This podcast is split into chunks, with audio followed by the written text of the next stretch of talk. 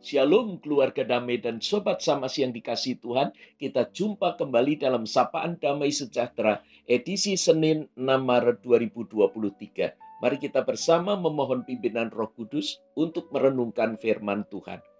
Ya Allah yang penuh kasih, kami sungguh bersyukur karena kami boleh diberi teladan di dalam diri Yesus Kristus, Allah yang menjadi manusia, sehingga kehidupannya boleh kami pelajari dengan baik Terangilah firman-Mu supaya boleh tumbuh dan berbuah di dalam kehidupan kami. Dalam nama Tuhan Yesus kami berdoa. Amin.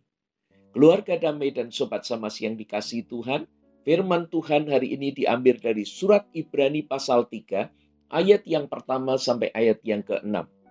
Sebab itu, hai saudara-saudara yang kudus, yang mendapat bagian dalam panggilan sorgawi, pandanglah kepada rasul dan imam besar yang kita akui, yaitu Yesus, yang setia kepada Dia yang telah menetapkannya, sebagaimana Musa pun setia dalam segenap rumahnya.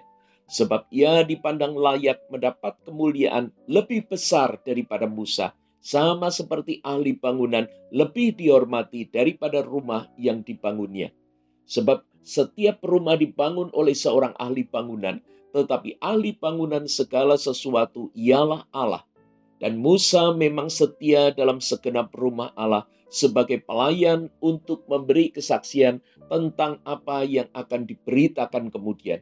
Tetapi Kristus setia sebagai anak yang mengepalai rumahnya. Dan rumahnya ialah kita.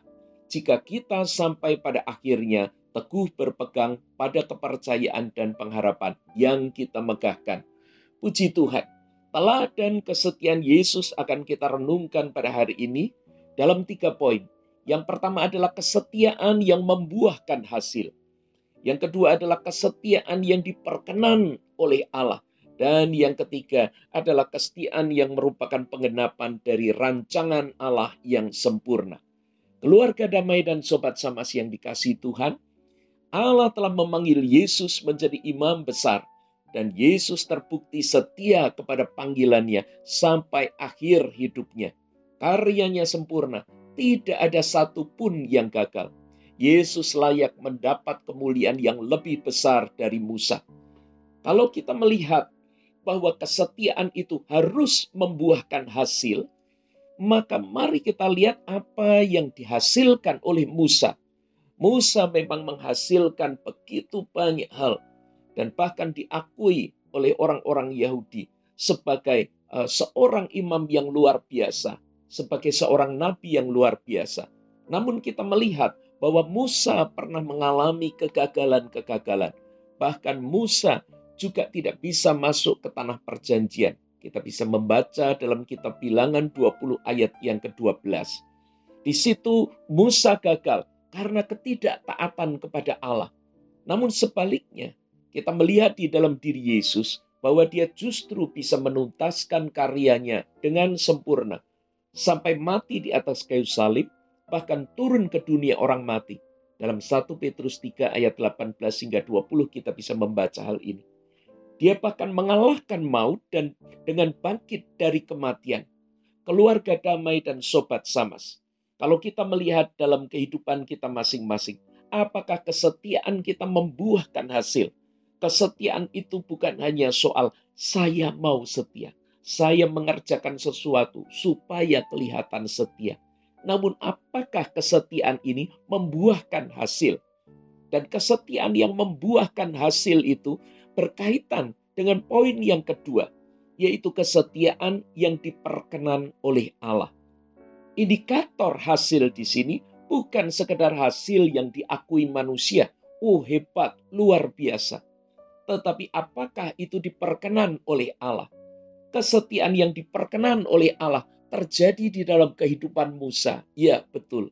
Karena Musa sebagai pelayan rumah Tuhan mengerjakan panggilannya sebagai nabi bagi umat Israel. Tetapi bagaimana ketika dia mengalami eh, melakukan kesalahan, ternyata dia kecewa dengan umat Allah yang tidak setia kepada Allah. Di dalam kekecewaannya ini dia marah. Dan sampai semuanya ini membuat Tuhan tidak mengizinkan dia masuk ke dalam tanah perjanjian. Namun kita melihat di dalam diri Yesus Kristus bahwa Yesus setia kepada Allah dan Allah itu memperkenan apa yang dilakukan Yesus Kristus sampai kepada saat terakhir ketika Yesus berada di dalam pergumulan yang berat. Di situ Allah memberikan kekuatan kepada Yesus sehingga Yesus bisa mengerjakan sampai akhir yaitu mati di atas kayu salib. Kesetiaan yang luar biasa kesetiaan yang bukan hanya menurut kemauannya. Meskipun dia mengatakan, jika boleh, eh, biarlah cawan ini lalu daripadaku. Tetapi bukan kehendakku, melainkan kehendakmu yang jadi. Mari kita melihat bagaimana kesetiaan di dalam hidup kita. Apakah kesetiaan ini sekedar ambisi kita, sekedar kita mau menunjukkan diri untuk dilihat orang bahwa kita setia, atau merupakan kumpulan dari kesetiaan yang diperkenan oleh Allah. Keluarga damai dan sobat samas, kesetiaan ini akan menjadi utuh, akan menjadi benar diperkenan oleh Allah.